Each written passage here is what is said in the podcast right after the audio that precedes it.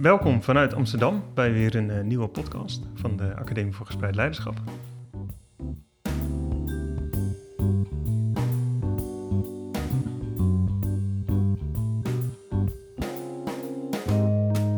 Vandaag bij jou aan de keukentafel, Frank. Ja, inderdaad. Ja, gaan we samen in gesprek over uh, een onderzoek wat jij uh, onlangs hebt gedaan samen met de VO-academie en ook Daniel van Amersfoort en Jozef Kessels. Kun je alvast even iets vertellen over het onderzoek wat jullie hebben gedaan? Ja, nou, um, wij kregen eind vorig jaar de vraag van de VO-academie, dus het, uh, zeg maar de professionaliseringspoot van uh, de VO-raad, om een onderzoek te doen naar een actueel vernieuwend thema rondom het leren van de schoolleider. En uh, toen Daniel van Amersfoort, de collega met wie ik het samen heb gedaan, en ik het daarover gingen hebben, toen constateerden we dat er, als het gaat om het leren van de schoolleider, best wel veel bekend is over de schoolleider die leert met andere schoolleiders. Dus reflectie met vakgenoten van andere scholen is voor schoolleiders vaak heel waardevol. Uh, of bijvoorbeeld leernetwerken van schoolleiders zijn ook heel waardevol. Kunnen heel veel inzicht geven in hoe je je rol binnen jouw school het beste aan kunt pakken.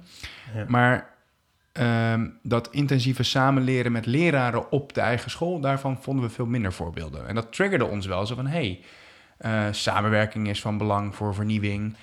Um, samen met je collega's optrekken in een spannend vernieuwingsproces kan heel leerzaam zijn. Los van dat het ook natuurlijk heel belangrijk kan zijn voor de school om zich blijvend te ontwikkelen en te vernieuwen. Waarom weten we er eigenlijk zo weinig van hoe schoolleiders en leraren van dezelfde scholen dat van dezelfde school dat samen met elkaar doen? Dus dat was voor ons eigenlijk uh, de reden om ons daarop te focussen. Van uh, kunnen we, dat hebben we dan co-creatieprocessen genoemd, van schoolleiders en leraren van dezelfde school vinden en reconstrueren en ja, eigenlijk onderzoeken hoe het leerproces slash vernieuwingsproces, want daar gaat het leren en het vernieuwen natuurlijk heel erg samen, uh, hoe dat eruit ziet. Maar dat is ook wel interessant, dat, dat eigenlijk is het iets wat we heel vaak wel erkennen als een hele belangrijke bron van leren. Ja. Als je de literatuur erop na zou slaan, dan wordt dat, dat heel vaak benoemd als heel belangrijk. Het leren tijdens het werk, samen met collega's. Het is ook direct interessant dat dat zo weinig onderzocht is of in ieder geval in kaart is gebracht. Ja, nou, ik, er is wel onderzoek gedaan naar het werkplek leren van schoolleiders. Maar voor zover wij in ieder geval hebben kunnen, kunnen zien, is er minder bekend over het werkplek leren. Wat samen, ja, echt intensief gedurende langere tijd samen gebeurt met leraren. En dat is misschien ook niet zo verwonderlijk, want volgens mij gebeurt dat ook gewoon niet zoveel in de praktijk. Toen wij op zoek gingen namelijk naar casuïstiek voor ons onderzoek, was een van de criteria voor het selecteren van, van casussen was, en dat was waar heel veel schoolleiders eigenlijk op afvielen, om het maar even oneerbiedig te zeggen, was dat ze gedurende langere tijd, dus een substantiële periode, intensief hadden samengewerkt met leraren aan bijvoorbeeld een vernieuwing of een verandering in de school. Um, en met intensief samenwerken bedoelden we dat je dus niet um, bijvoorbeeld de werkgroep waar docenten uh, in zitten aanstuurt, maar dat je echt onderdeel bent van die werkgroep, ja. bijvoorbeeld. Uh, en dat was best wel lastig om die te vinden. Dus misschien is er gewoon weinig onderzoek naar gedaan, omdat het in de praktijk ook niet zo heel erg vaak voorkomt dat de eindverantwoordelijk schoolleider, dus niet de teamleider of de, de conrector, maar de rector, of de, uh, dus de, de eindverantwoordelijk schoolleider, langdurig samenwerkt met leraren. En uiteindelijk, en uiteindelijk, hebben jullie natuurlijk dus wel voorbeelden gevonden. Ja. Want jullie hebben een aantal portretten opgetekend. En, en, dat vind ik ook direct wel een interessante, namelijk de vorm die het onderzoek heeft gekregen. Hè? Uh, want jullie zijn dus schoolleiders gaan opzoeken, in gesprek gaan, maar ook de collega's waarmee ze betrokken waren. Uh, hoe hebben jullie dan uiteindelijk verder het onderzoek gedaan? Ja, zo inderdaad. Dus we hebben telkens, nou, we hebben dus in eerste instantie gezocht naar die voorbeelden die een beetje voldeden aan onze. Uh, uh, noem maar, zeg maar criteria of kenmerken van co-creatie. Dus onder andere substantiële periode samenwerken. Uh, werken aan een schoolbrede verbetering of vernieuwing was een belangrijke voorwaarde. Dus het moest niet gaan over een kleine verandering, maar echt over grootscheepse ingrijpende veranderingen. En uh, de verschillende betrokkenen in het proces moesten allemaal een wezenlijke bijdrage hebben gehad. Um, dus dat waren de criteria. En daar hebben we dus uiteindelijk zeven uh, mooie casussen uh, van gereconstrueerd. En wat we deden was, we spraken telkens eerst een uur uh, individueel met de schoolleider over zijn of haar ervaringen in dat samenwerkingsproces, leer, slash leerproces. En vervolgens vroegen we de docenten die er intensief bij betrokken waren om ook aan te sluiten. En voerden we nog een groepsgesprek met die hele groep. En dat duurde dan meestal nog anderhalf tot twee uur. Dus we spraken zo'n drie uur met de belangrijkste betrokkenen bij die samenwerking. Over hun ervaringen daarin. Wat hebben jullie nou eigenlijk gerealiseerd met elkaar? Maar ook waar liepen jullie tegenaan gedurende dit proces? Wat maakte het lastig soms? Wat waren dilemma's waar jullie mee om moesten gaan? Zowel in de inhoud van de vernieuwing als ook in jullie samenwerking. Hè? En we verwachten daar dat het ook voor een schoolleider met een formele bovengeschiktheid ten opzichte van leraren soms lastig kan zijn om op gelijkwaardige basis samen te leren en samen te werken aan een verbetering of vernieuwing. En nou, toen we die gesprekken hadden gevoerd, hebben we die allemaal opgetekend in de vorm van een portret, inderdaad, zoals jij al zei. En die hebben we geplaatst op een blogomgeving op onze site. En daar konden mensen ook op reageren. Zo van, nou, dit is wat we hebben opgehaald bij deze school, bij die schoolleider. Dit waren de betrokkenen. We schreven dat ook heel verhalend op. En dan konden mensen er ook op reageren. Zo van, goh, welke vragen roept het nou bij de lezer? Om, hè, voor ons om te ontdekken welke vragen het nou bij de lezer op, oproept. Ja, en dat is dus ook wel mooi dat je eigenlijk daarmee zegt dat uh, normaal gesproken doe je uh, interviews, uh, teken je dat op in een interviewverslag, daar doe je een analyse op en dan publiceer je een rapport of een artikel. Alleen jullie hebben eigenlijk gewoon de data, ja. de interview. Meteen data, vrijgegeven. Hebben jullie vrijgegeven online, ja. inderdaad, op de website. En met de uitnodiging ook via de VO-academie naar eigenlijk heel veel schoolleiders ja. in Nederland om mee te kijken en eigenlijk samen de analyse te doen. En uiteindelijk hebben jullie ook een analysesessie nog georganiseerd. Ja, klopt. Ja. Ja. ja, en als je die portretten ook leest, dan zijn het nog, het zijn nog niet echt af uh, um, verslagen van zo'n samenwerkingsproces. We, we, we, we, laten heus ook wel een beetje doorschemeren al in die portretten waar wat ons betreft de spanning zit of welke vragen het bij ons oproept. Maar we trekken nog geen eenduidige conclusies over, ah, in dit portret is dit succesvol geweest of is dit lastig geweest. Dat laten we in die portretten bewust nog een beetje open uh, om juist met de lezer samen uh, conclusies te trekken. Ja. En uh, tot slot hebben we een extra blog geschreven waarin we wel degelijk ook conclusies trekken. Dat noemen we dan de slotbeschouwing van het onderzoek. En daarin proberen we op basis van al die zeven portretten wel echt conclusies te trekken over hoe ziet het leren van de schoolleider in co-creatie met leraar er nu eigenlijk uit? Waar loopt hij dan tegenaan? En hoe zou je daarmee om kunnen gaan uh, als schoolleider? En dat is wel interessant om dan nu verder op door te gaan. Uh, want er, komen natuurlijk wel wat interessante dingen uh, uit het onderzoek. De, de, primaire focus van het onderzoek is natuurlijk de schoolleider, de rol van de schoolleider, de bekwaamheden die er nodig zijn. Um, uh, wat zijn een paar centrale conclusies die jullie zo al trekken? Ja, wat ons het meest opviel was dat in al die samenwerkingsprocessen, en het gaat dus om, wat ik al zei, grootscheepse vernieuwingen, veranderingen binnen scholen waarin schoolleiders en leraren met elkaar samen optrekken. Bijvoorbeeld, we hebben twee schoolleiders gesproken die samen met een groep leraren een hele nieuwe school hebben neergezet. Hm.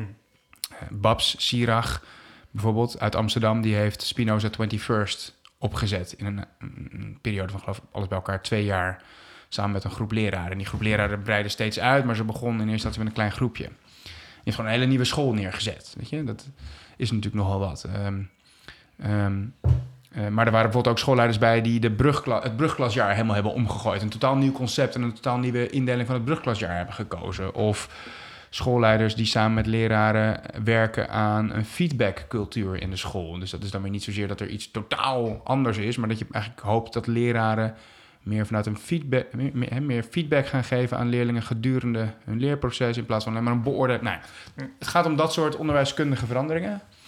Um, die in ieder geval de hele school aangaan. Ja, waar veel mensen bij betrokken zijn. En, waar, ja, ja, en waar ook volgens mij, als ik het begrijp, ook wel vaak wel sprake was van dus een, een kerngroepje van mensen die eigenlijk eerst met elkaar vooral daar ideeën omheen zijn gaan vormen en daarna zijn gaan kijken met elkaar hoe kunnen we dit verder breder in de school een toepassing aan geven. Klopt, ja, helemaal zo. En dat was ook uh, wat ons opviel, is dat eigenlijk al die vernieuwingsprocessen, die twee fasen die jij nu noemt, doorliepen. Dus een initiële fase van, uh, ja, zeg maar, ideeënvorming. Die fase is heel um, spannend, uh, innovatief, heel erg gezamenlijk ook. Dus de groep trekt daarin heel erg gezamenlijk op. Uh, dat hoor je ook aan hoe de mensen erover vertellen, hoeveel energie ze daarvan krijgen. Om bijvoorbeeld samen met uh, collega's nieuwe onderwijsfilosofieën uit te denken of nieuwe concepten met elkaar te bedenken. Na te denken over vragen als wat voor school willen wij eigenlijk zijn? Wanneer doen we het goed voor onze leerlingen? Wat vinden we nou echt belangrijk? Nou, weet je, dat zijn hele om het even zo te zeggen, energiegevende uh, samenwerkingsprocessen. Daar hebben mensen echt plezier in. En die initiële fase van ideeënvorming gaat op een gegeven moment over, en dat is natuurlijk niet verwonderlijk, uh, als je wilt dat het iets wordt, hè, uh, in een fase van uitwerking en toepassing van die ideeën. Nou, dit, dit, dit zal waarschijnlijk voor heel veel veranderdeskundigen niet uh, veel nieuws zijn. Maar wat wij vooral opvallend vonden was dat de werkverdeling en het leiderschap in fase 2 echt aanzienlijk anders was dan in fase 1. Hm. Um, en dat dat voor een deel misschien begrijpelijk is, of dat het om allerlei redenen in ieder geval te verklaren is, maar dat er ook een aantal uh, nadelen kleven aan uh, de verandering van werkverdeling en leiderschap. Um, in die tweede fase lijkt het wel alsof vanuit een soort reflex, vanuit een soort gewoonte, uh, het leiderschap veel klassieker en veel meer vanuit positie wordt verdeeld dan in de eerste fase. Oké. Maar want uiteindelijk in beide fasen kun je natuurlijk spreken van er is een schoolleider die heeft de klassieke positie van hiërarchisch ja. bovengeschikt aan de leraren.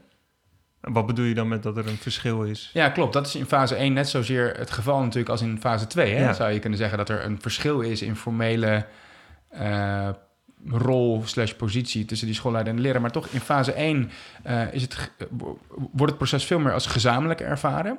Doen mensen ook echt mee. Uh, is eigenlijk het groepje ook wel bij, alles wel betrokken. Hè? Dus, dus um, um, iedereen denkt over allerlei aspecten gewoon wel mee. Um, misschien zou je ook kunnen zeggen dat in, in die ideevorming is er niet zoveel reden om een, een, een, hiërarchie in relaties te hebben. Want iedereen is, het vraagstuk is leidend, ja. of het idee is leidend. Het groepje is ook nog klein over het algemeen. Ja, en, en, en dat gaat erom, um, uh, kunnen we met elkaar eigenlijk ook een beetje dromen over hoe het zou kunnen zijn. Ja. En daarin is ieders perspectief en idee wordt automatisch misschien gewoon serieus genomen. Ja. Precies, en dan in die tweede fase, dus dan gaat het heel erg, dat is natuurlijk ook heel erg inhoudelijk dus, die eerste fase, ja. onderwijs inhoudelijk. Het gaat dus over de vragen zoals ik die net noemde, die heel erg gerelateerd zijn aan wat voor onderwijs willen wij bieden. In die tweede fase komen er ook, hebben wij geconstateerd, minimaal twee andersoortige vraagstukken kijken, om de hmm. hoek kijken. Namelijk veranderkundige vraagstukken, zoals hoe krijgen we de rest van de school mee, die nog niet per se ons proces heeft doorgemaakt van wat voor school willen wij zijn? Waar staan wij voor? En nou ja, die dat niet hebben meegemaakt en dus eigenlijk eh, achterlopen, zou je kunnen zeggen. Dus hoe krijgen we dat soort mensen ook mee? Dat zijn uh, veranderkundige vragen en organisatorische vraagstukken. Hoe krijgen we dit überhaupt gereg hè, geregeld binnen onze school? Wat betekent dit voor het rooster als we uh, um, meer, meer zelfgestuurd willen leren? Of wat betekent het voor onze, uh, onze beoordelingssystemen? Of, nee. En die twee vraagstukken, die uh, worden eigenlijk heel uh, klassiek bij de schoolleider belegd. De, de, de, de, vraagstuk van het veranderkundige deel en het organisatorische deel. En hoe bedoel je dan bij de schoolleider belegd? Die, die moet dat gaan oplossen? Misschien gebruik ik niet helemaal het goede woord, maar uh, wat wij constateerden is dat het, de docenten in die verandergroepjes het vanzelfsprekend vinden dat hmm. de schoolleider op dat soort terreinen primair de leiding neemt. En ook de schoolleiders die we spraken voelen zich over het algemeen heel erg verantwoordelijk om op die gebieden uh, de leiding te nemen. En uh, in sommige gevallen uh, voelen ze zich ook wel een beetje dat er een beroep op ze wordt gedaan ja. door de leraren om dat te doen. Terwijl ze het misschien niet per se altijd de beste keuze vinden. Ja, dus, en dat is wel interessant, want je benoemen dat natuurlijk ook als een reflex. Dat, dat lijkt eigenlijk een iets te zijn wat wat meer in, meer in opvattingen van mensen zit over rolverdeling of wat bij de schoolleider zijn takenpakket hoort, om het zo te zeggen, dan dat het daadwerkelijk uitgesproken is van wij vinden dat de schoolleider nu het organisatorische deel en het veranderkundige deel meer op zich moet nemen. Het is meer impliciet, toch? Ja, het is impliciet, maar ook wel expliciet soms. Um, dus uh, tenminste, ik weet niet of het expliciet was gedurende hun samenwerkingsproces, maar toen we er naar vroegen, uh, werd het wel geëxpliciteerd. Toen wij dus de vraag stelden van, goh, waarom hebben jullie nou in die eerste fase eigenlijk alles in gezamenlijkheid gedaan?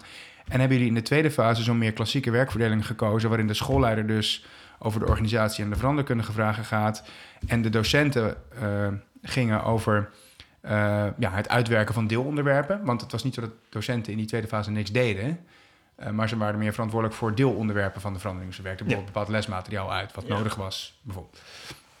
Toen die vraag werd in eerste instantie door heel veel mensen helemaal niet begrepen van waarom stel je überhaupt deze vraag? Dat is toch gewoon logisch dat we dat zo doen. Mm. En redenen waren bijvoorbeeld, nou, de schoolleider heeft daar tijd voor. De schoolleider is daar verantwoordelijk voor.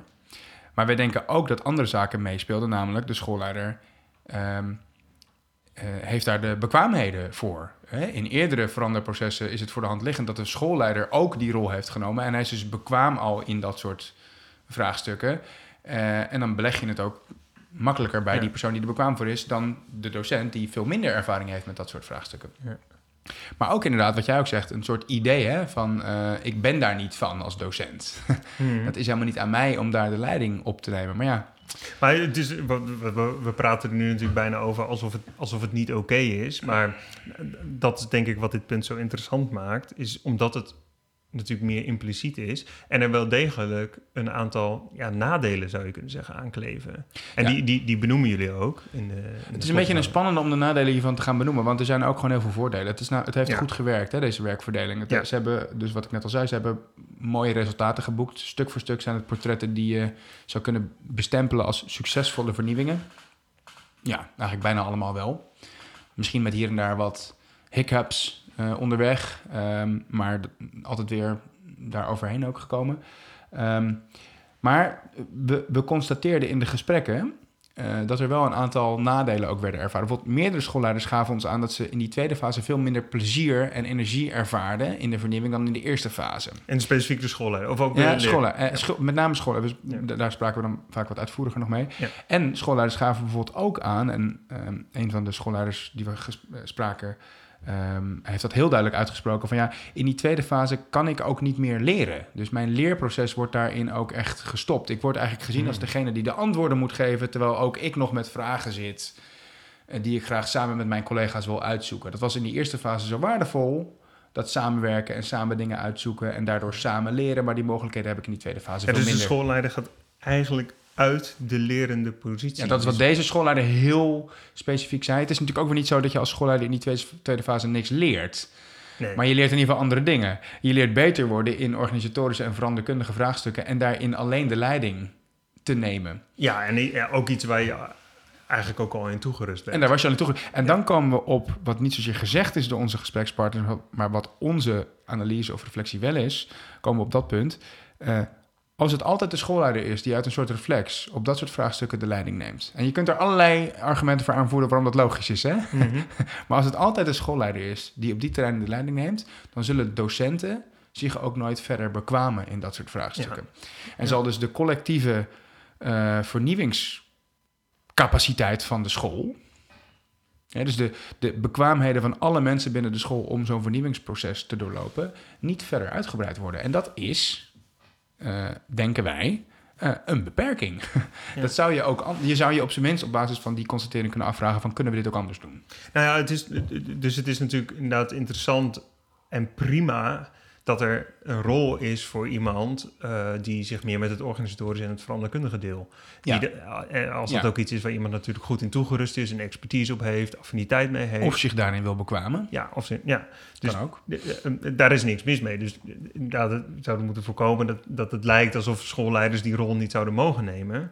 Alleen, het is denk ik inderdaad wel interessant dat het, het creëert ook een, nou ja, een soort kwetsbaarheid, zou je kunnen zeggen, of een afhankelijkheid in de school van die enkele personen die die leidinggevende positie hebben, dat, uh, in hoe die dat inrichten, dat veranderkundige en organisatorische, uh, op, op het wel of niet slagen. Ja, nog van en met name omdat het vanuit zo'n ogenschijnlijke gewoonte ging. Ja, omdat het een gewoonte is. Ja, Het niet expliciet uitgesproken. Dus niet op basis van, oké, wie wil dit? Wie is hier het meest bekwaam in? Of zijn er misschien mensen in dit groepje die zich hier ook mee willen bemoeien... zodat ze zich daar verder in bekwamen of daar beter in worden? Nee, echt vanuit een soort automatisme werd het belegd telkens bij de schoolleider. Dus dan vermoed ik, nou wij hebben het natuurlijk altijd, Stefan, over positioneel en gespreid leiderschap.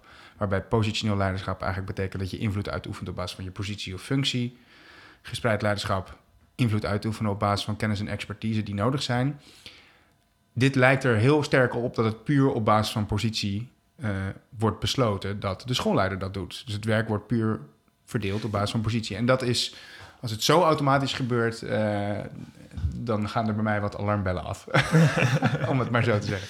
Maar um, je, je, vertelt natuurlijk ook wel dat Ehm, het gaat ergens wel ook gebaseerd op expertise, omdat de schoolleider doorgaans wel in toegerust is uh, vanuit de opleiding, uh, eerdere ervaringen, uh, om zich ermee bezig te houden. Alleen de, de reden waarom die het leiderschap toegekend krijgt, is niet vanwege die expertise, maar gewoon omdat mensen vinden dat hoort nou eenmaal bij die rol. En dus is het eigenlijk leiderschap op basis van positie. Ja, en ik denk dat met name docenten, doordat, dat bedoelde ik daarmee, eh, doordat ze die ervaringen en dus de bekwaamheden niet eerder zo zich hebben eigen gemaakt, uh, dat ze zich ook niet, dat, dat, dat ze het ook niet voelen als hun plek om daar invloed op uit te oefenen. Ja, dus het is, een, het is een soort ingesleten patroon. Ja, dat, denk, dat vermoeden wij. Ja. Dat is natuurlijk onze. Kijk, dat is niet iets wat mensen ons letterlijk hebben gezegd. Want als het een ingesleten patroon is, dan ben je daar waarschijnlijk ook helemaal niet zo van bewust. Um, maar het feit dat mensen zo reageerden op onze vraag, zo van, huh, hoezo is dit überhaupt een vraag voor je? Waarom stel je ons überhaupt de vraag waarom we het werk zo verdelen? Dat is toch logisch? Dat soort uitspraken doen mij sterk vermoeden dat het een ingesleten patroon is.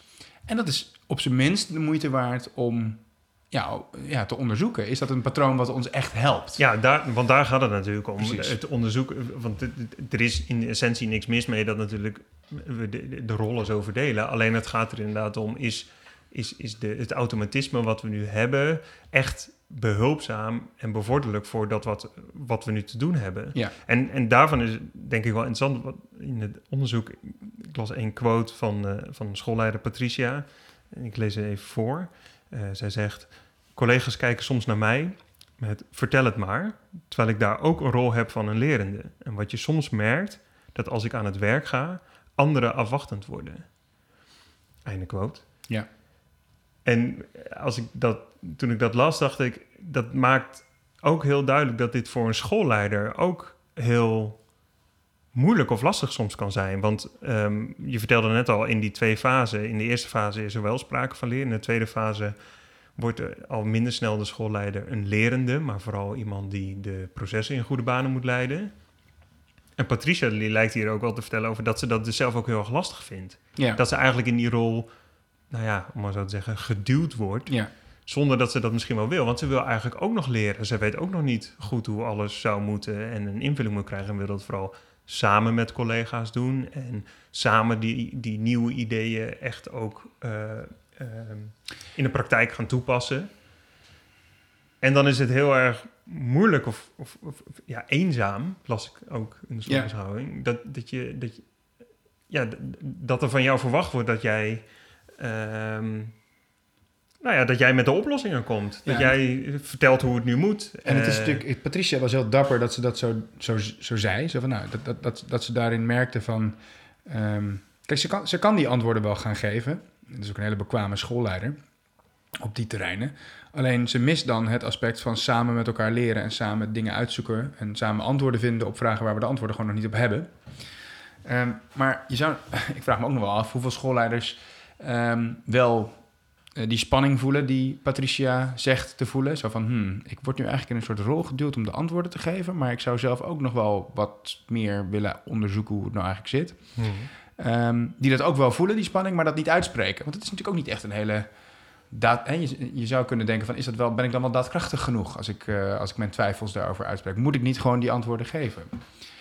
Nou, ook omdat ze dus, je, omdat je inderdaad voelt dat er een soort verwachting ligt in de school, Precies. vanuit leraren, dat je die antwoorden geeft. Dat, dat, dat het uh, als een als, als, als, nou ja, als, als falen wordt gezien vanuit jouw rol als schoolleider. Als, wanneer jij niet een duidelijk antwoord kan formuleren wanneer er een vraag wordt Misschien zie je het zelf ook al zo. Kijk, je hebt je dus, dit zijn allemaal schoolleiders die, die zich hebben gecommitteerd aan een schoolbrede, ingrijpende verandering. Daar hebben ze zich aan gecommitteerd. Um, vervolgens komen ze in een fase van toepassing van de ideeën. ja. um, en uh, dan wordt er naar hun gekeken. En het gaat misschien niet altijd helemaal allemaal even vlot. Sommige andere docenten buiten het vernieuwingsgroepje hebben er toch niet zo'n zin in. Of ouders uh, worden kritisch. Of uh, dat hebben we bijvoorbeeld gezien bij de verandering van de brugklas op de school waar de brugklas helemaal was omgegooid, daar waren ouders helemaal niet amused met dat het in één keer er heel anders uitzag voor hun uh, kinderen. Nou, dat, hè, dat zijn allemaal fasen waarin de druk wordt opgevoerd, periodes waarin de druk wordt opgevoerd. En dan um, wil je aan de ene kant uh, wil je je docenten zoveel mogelijk blijven betrekken bij die vernieuwing en het samen doen en samen leren. En aan de andere kant heb jij ook gewoon de eindverantwoordelijkheid en je hebt je gecommitteerd aan die vernieuwing. Ja, en, hoe ga je daar dan mee om? Ja, en ben je dus ergens ook, dus ook naar ouders toe bijvoorbeeld toch vaak ja, zo van het boegbeeld van de school, degene die naar wie gekeken wordt ook uh, en, aan, en nou ja, verantwoordelijk wordt gehouden eigenlijk ook voor de keuzes en de, en de afwegingen die zijn gemaakt om in het voorbeeld van de nieuwe brugglas dan. Uh, dus je kan me voorstellen dat je als schoolleider ook die spanning dus heel erg ervaart. Van enerzijds ben ik dus ook degene die hier dus echt verantwoordelijk voor wordt gehouden. Dus wanneer, wanneer dingen even niet goed gaan of wanneer dingen moeilijk zijn, wordt er automatisch meer naar mij gekeken. En wordt mijn handelen, zeg maar, zwaarder gewogen dan de betrokken leraren. Ja. Of, en ook met name de leraren die misschien in het voorproces ook heel intensief betrokken waren. Ja. En ook bij die keuzes aanwezig waren en ook afwegingen ook hebben gehad. En toch word je als schoolleider eigenlijk dan zwaarder dus, gewogen. Dus volgens mij zitten de, als je, als je dit zou willen doorbreken, zo'n uh, reflexieve werkverdeling, ja. Uh, dan zou je kunnen kijken naar de bekwaamheden van leraren om zich op veranderkundige en organisatorische vraagstukken uh, nou, te laten zien, om daar invloed op uit te oefenen. Mm -hmm. Dan zou je kunnen kijken naar de opvattingen die zowel de schoolleider over zijn of haar rol heeft, als ook uh, naar de opvattingen van docenten en over hun leiderschap. In hoeverre zij zichzelf zien als een potentiële leider of iemand die invloed uitoefent op dat soort terreinen. Um, um, ja, dat zijn aspecten waar je dan naar zou, naar, naar, naar zou kunnen kijken. Van kunnen we daar iets in doen?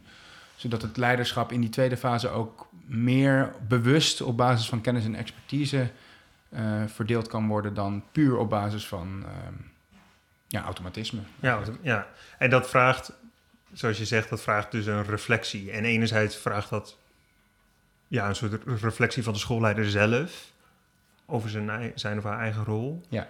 Uh, maar ik kan me ook wel goed voorstellen dat het vooral een gezamenlijke reflectie vraagt. Ja. Waar je stil bij staat, in ieder geval als, als groepje, als, je, als er een groepje bezig is met met het ontwikkelen van die vernieuwing. Ja. Dat, je, dat je daar aandacht voor hebt met elkaar. Van wat, wat is de verdeling van taken, rollen en de verwachting eigenlijk die daar omheen zit, uh, die wij passend vinden. Klopt. Ja. ja. en dan moet je dus ook als uh, schoolleider uh, de ruimte voelen en de veiligheid ervaren om uh, je eigen positie ook ten, op, ten, ten overstaan van je docenten uh, ter discussie te stellen. Of in ieder geval om daarop te reflecteren. Ja, dus dat, je zou eigenlijk kunnen zeggen dat is, dat is ook een vorm van daadkrachtig zijn. Ja. Ja, we zouden Het, je kunt het snel benoemen als kwetsbaar zijn. Ja. Dan, en dan is het direct een beetje ongemakkelijk of zo. Ja. Maar het is eigenlijk heel volgens mij is het heel sterk wanneer je je eigen rol ter discussie durft te stellen. Ja, als je daar meer over zou willen lezen, dan zou je het portret van Bab Sirach uh, kunnen bestuderen, die daar echt heel mooi over vertelt.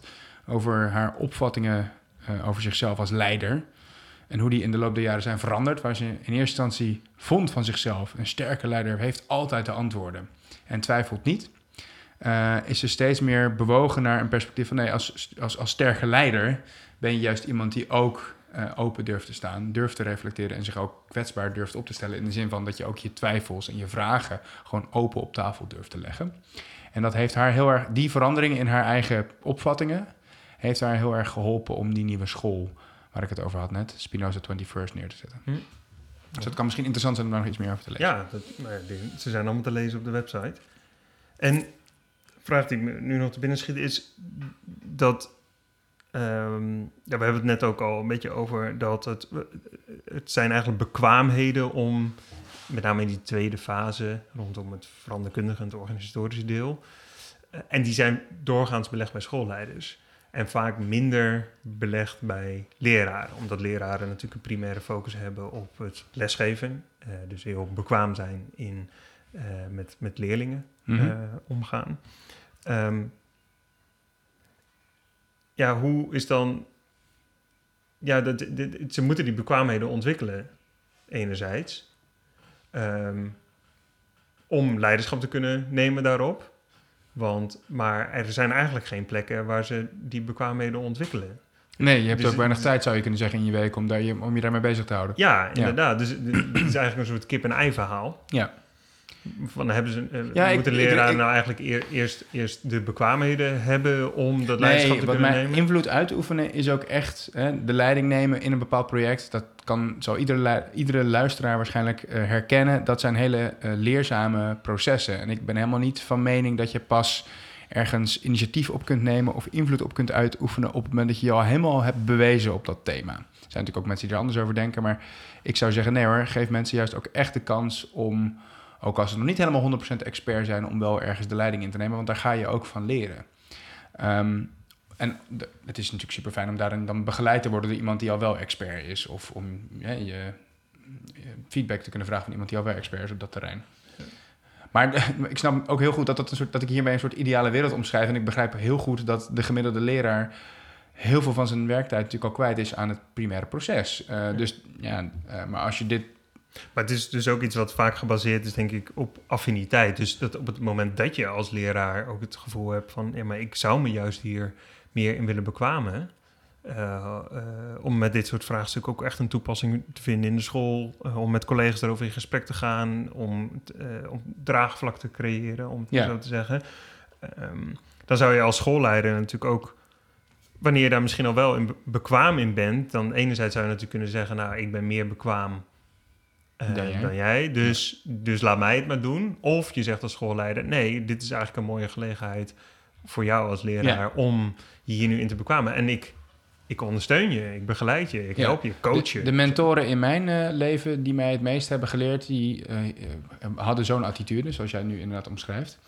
Um, uh, dus ja, ik denk dat dat heel zinvol kan zijn. Zeker als je dus hoopt dat, dus dat, dat, ja, dat, dat, dat zo'n school of en dat alle mensen binnen die school in staat zijn om het onderwijs en de school te verbeteren en te vernieuwen. Ja, uh, ja dan hebben we natuurlijk uh, de kwaliteiten en de inzichten van iedereen nodig. Maar dat leert dan ook iets over, want we hebben natuurlijk net over gespreid leiderschap en over de, het, het, ja, de, de ruimte voor iedereen om invloed uit te oefenen. Um, dit leert denk ik daar wel wat over, wat daar dan vanuit je rol als schoolleider in ondersteunend is, is, is een soort erkenning van misschien ben ik hier wel goed in. En misschien ook wel beter dan anderen.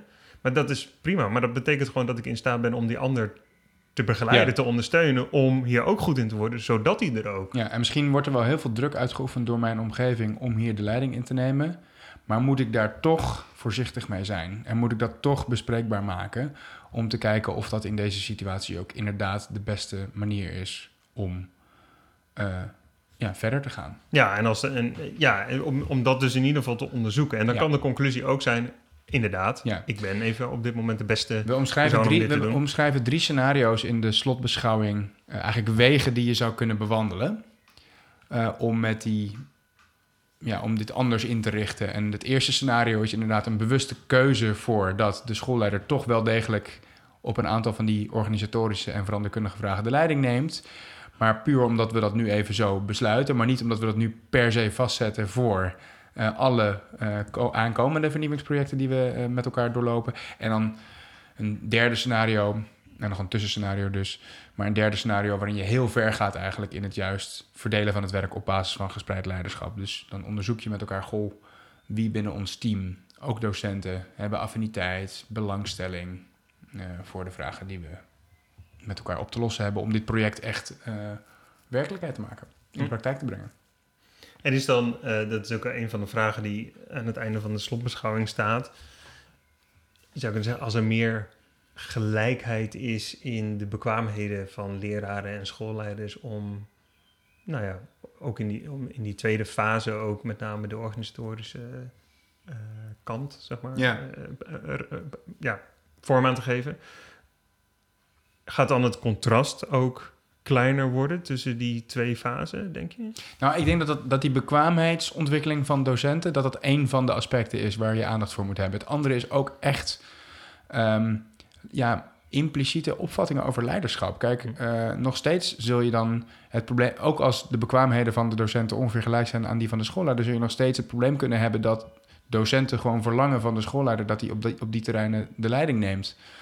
Of dat de schoolleider nog steeds die grote verantwoordelijkheidsdruk voelt. Of de druk vanuit de omgeving voelt om dat inderdaad te doen. Ook dat zul je nog met elkaar moeten uh, bespreken en moeten proberen te doorbreken. Uh, wil je het echt anders doen. Maar bekwaamheden zijn daarmee niet onbelangrijk. Ja. Ehm, en dat is ook iets daarmee eigenlijk wat, wat echt altijd aandacht nodig heeft. Dat is niet iets van dat kun je en of, of, of we zitten nu in een werkrelatie met elkaar waarin we niet meer die dynamiek hebben, waarin automatisch ehm, eh, bij de schoolleider meer de rol wordt gelegd van het organisatorisch en het veranderkundige.